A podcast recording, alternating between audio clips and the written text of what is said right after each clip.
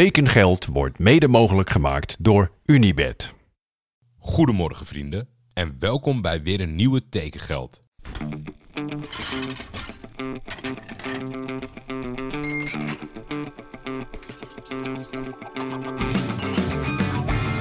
Waar gaat Hilderman naartoe? kan u mededelen dat er overeenstemming is bereikt met Johan Cruijff bij Feyenoord. Navarone voor. Vandaag in andere kleuren, hè? Ja, dat zeker. Dat is wel even wennen natuurlijk. Berghuis, een van de meest besproken transfers ooit, denk ik.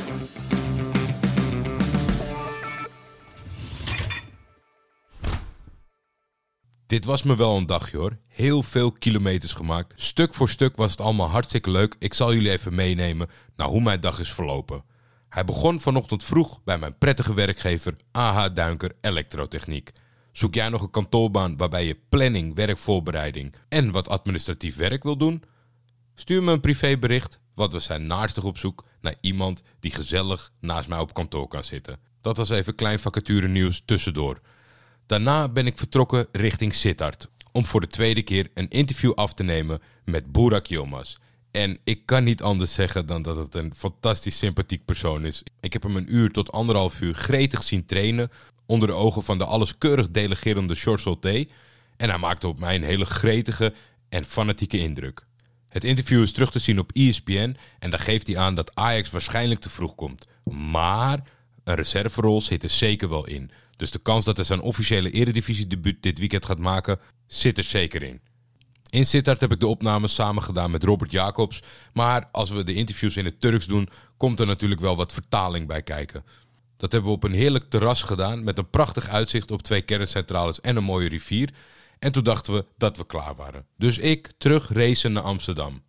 Eenmaal in de buurt van Amsterdam werd ik gebeld dat er een aantal zaken ontbraken en dat ze toch nog even mijn hulp nodig hadden. Dus ik naar de studio's van ESPN. Samen met de technicus zijn we er toch uitgekomen om de reportage-uitzending klaar te maken. Kijkend op de klok werd het toch allemaal wel penibel voor mij. Dus ik race naar het hoofdkantoor van de Krat, waar ik mijn zeer geliefde foodbox ging ophalen. Toen moest de auto ingeleverd worden en omgeruild worden voor een fiets. In de tussentijd moest ik ook nog even de kinderen gedag zeggen en de producten van de krat in de koelkast leggen en op naar de studio's van dag en nacht om de seizoensopener van Hekkensluiters op te nemen samen met Jean-Paul Risson, Danielle Kliwon en Jan Baving. Daar hebben we een heerlijk uurtje gekletst over de meest recente gebeurtenissen in het voetbal en toen de fiets terug terug vanuit Amsterdam-West naar Diemen. En inmiddels was het bijna tien uur 's avonds. Bij thuiskomst eindelijk de telefoon maar in de lader gehangen, want die was een beetje ontploft. Want eerder op de dag was er een persbericht vanuit ESPN, waarin het grootste nieuws was dat Hans Kraai junior had verlengd. Maar er werd ook aangekondigd dat Wouter Bouwman en ik vanaf 21 augustus een nieuw programma gaan maken. Op de zondag, de voetbalkantine. Jullie als trouwe luisteraars mogen best weten dat ik dat best wel spannend vind, maar ik kijk er ook enorm naar uit om dat te gaan maken. En ik hoop natuurlijk ook dat jullie gaan kijken vanaf 21 augustus. En dat de bijkomstigheid van een stukje beeld jullie niet meteen wegjaagt. een aantal jaar geleden had ik niet durven dromen dat mijn dagen er zo uit zou komen te zien. Maar mede dankzij jullie is dat tegenwoordig mogelijk. En daar ben ik heel dankbaar voor. Dan gaan we iets afsluiten. En dat is het vaatwasserverhaal. Victor van Ham had gisteren nog wel een goede vraag, vond ik. En zoals altijd hebben jullie geleverd. Want hij is nog minutenlang na het programma bezig met zijn vaat af te drogen in zijn hagelnieuwe Siemens machine. En dat kan natuurlijk niet de bedoeling zijn. Ik vroeg jullie om hem te helpen en één oplossing kwam het vaakst voorbij, dus ik denk dat dat hem is. Leon schreef: Een tip voor Victor zijn vaatwasser leed. Direct als het programma klaar is, de machine nog heet is, even de deur openen, een droge theedoek over de rand van de deur hangen, ongeveer twee derde aan de binnenkant in de machine en weer sluiten totdat de damp in de doek is getrokken. Luc Safat zei ongeveer hetzelfde, kwam nog zelfs met fotobewijs hoe zijn vrouw dat allemaal doet. Zij zweert bij deze oplossing, dus Victor, dit moet hem zijn. Anders zou je nog kunnen denken aan de oplossing van Björn, maar die vond ik wat decadent. Hij zegt: Ik ken iemand, en ik noem geen namen, die twee afwasmachines heeft om dit probleem op te lossen. Als het maar lang genoeg in blijft staan, wordt het vanzelf droog. Met daarbij een extra dikke plus voor de extra kasruimte die je mee creëert en nooit meer uitruimen. Ik denk nu we het vaatwasserleed hebben opgelost van Victor, dat we bij deze, nou niet we, ik ga gewoon bepalen, bij deze is het afgelopen. Ik wil geen in- en uitruimtijden meer zien. Ik wil geen nieuwe verhalen meer horen. De sponsoren hebben hun kans ook laten glippen. Die hoeven ook niet meer aan te kloppen. dit was het. We moeten maar even samen in overleg, want we hebben natuurlijk de gloednieuwe intro van uh, Jacco den Hertog met de vaatwassereffecten. Laten we die nog even zo, of keren we terug naar de eerste, naar de eerste versie waarbij geen uh, vaatwassergeluiden zitten. Ik doe wel even een hele korte Twitter-poll en dan kan ja, niet iedereen daarover meebeslissen. Maar dan hebben we in ieder geval een conclusie. Dit ultralange zijpad rondom vaatwassers had ik absoluut niet zien aankomen aan het begin van tekengeld. Ik ben ervan gaan houden, maar voordat het te langdraderig wordt, moet ik nu helaas de stekker eruit trekken. Het was een mooi item.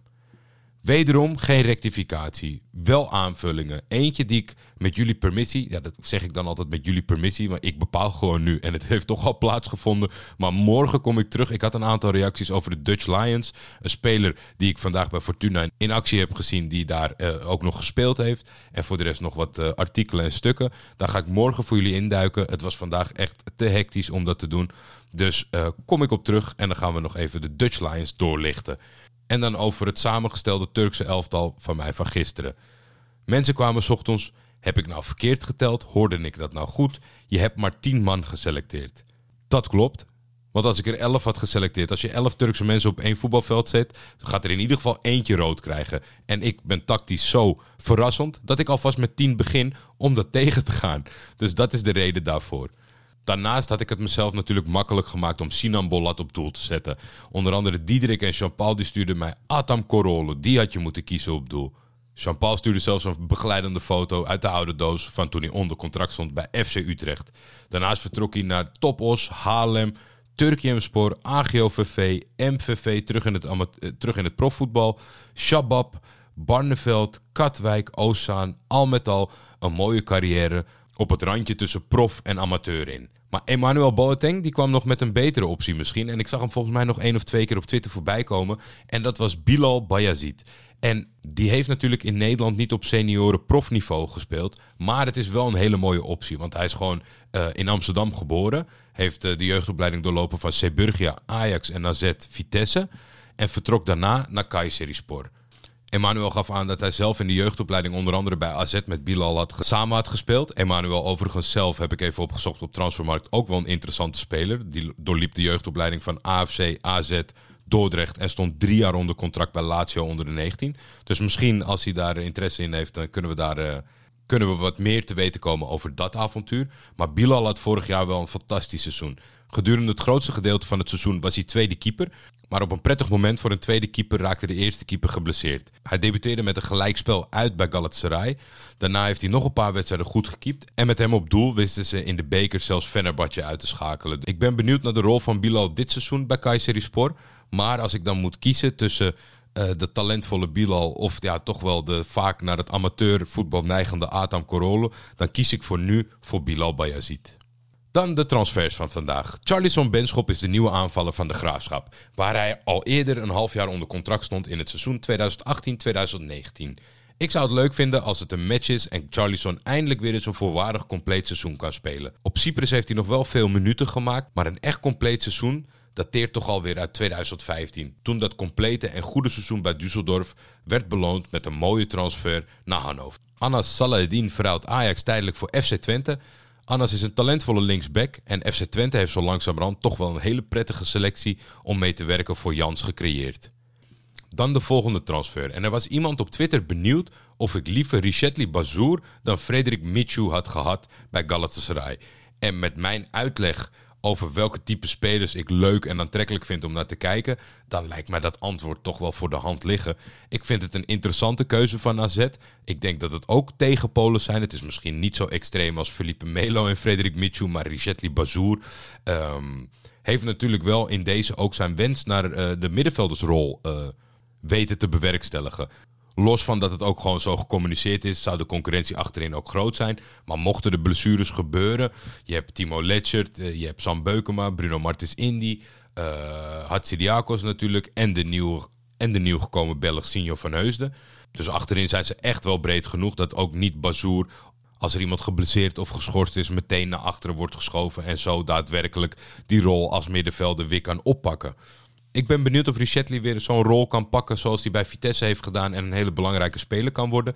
Ergens had ik misschien voor Richetli ook wel weer voor ogen dat hij naar het buitenland zou verkassen. Ik moet zeggen dat ik het ook wel bij Feyenoord had willen zien. Maar nu dus het stabiele en degelijke AZ. Ik denk wel dat het een goede test is, omdat Richetli is pas 25 dus mocht hij hier slagen, dan denk ik wel echt dat de vraagtekens rondom uh, Bazoer en uh, hoe hij zich houdt uh, binnen de groep of op het veld wel echt de prullenbak in mogen. En als dat gepaard gaat met goede prestaties, ja, dan is de weg naar boven toch wel echt. dan ligt hij weer helemaal open voor hem. Dan Yunus Bahadir van Jong PSV naar Alanyaspor. Yunus is een linksback die ook uit de voeten kan op rechts. Via Standaard kwam hij bij Genk terecht. Vervolgens ging hij naar Charleroi en zo kwam hij bij PSV terecht. Flirte af en toe afgelopen seizoen met een basisplaats, maar gaat nu zijn geluk beproeven aan de Turkse Riviera. Alanyaspor heeft de laatste jaren echt een leuk en interessant aankoopbeleid, dus ik denk dat als hij zijn best doet, zeker kans maakt op speelminuten. En dan is de vraag gedurende dit seizoen, kan hij Leroy Ver voorbijstreven qua speelminuten? En dan tot slot een gekke Amerikaanse roundup. Olivier Bielefeld die verhuilt AFC onder de 21 voor de USD Tommies. Figo Verkooyen van Den Bosch onder de 21, die gaat naar de Butler Bulldogs. Lans Bovenberg, die verhuilt HFC voor Empty St. Mary's. En Max van Duin gaat van het tweede van Noorwijk naar Mine Dolphins. Ik heb geen idee wat hierachter zit. Toevallig hebben we het gisteren natuurlijk gehad over die afgebroken of korte verhuurperiodes. Ze hebben geloof ik iets andere seizoenen. Zag ik ook op Twitter voorbij komen. Maar nu is het dus weer voor mijn gevoel een random hap genomen uit diverse niveaus. En die zijn, ja, als jij een droom hebt of een avontuur hebt om een, keer, om een, om een langere periode in Amerika door te brengen, dan is dit wel ideaal. Hoe vet is het om te kunnen dromen überhaupt van een transfer als je bij Noordwijk in de tweede zit? Ik vind het ongelooflijk. Ik weet niet wat erachter zit. Misschien dat een van jullie zegt, ja, dit en dit seizoen begint en daarom gaan ze hier en daar shoppen. I don't know. AFC onder de 21, Noordwijk 2 het is, het is zo compleet random komt het voor mij over. Maar ja, gelukkig is dat transfermarkt die dat allemaal bijhoudt. Dat was hem voor nu, jongens. Bedankt weer voor het luisteren. Ik weet niet of je hiervoor of hierna hekkensluiters gaat luisteren. Maar in ieder geval, doe dat wel. Ik spreek jullie morgen. Tekengeld is een Schietvogeltje Media original. De intro is van Jacco den Hertog. Voor commerciële vragen en of samenwerkingen kun je mailen naar schietvogeltjemedia.gmail.com.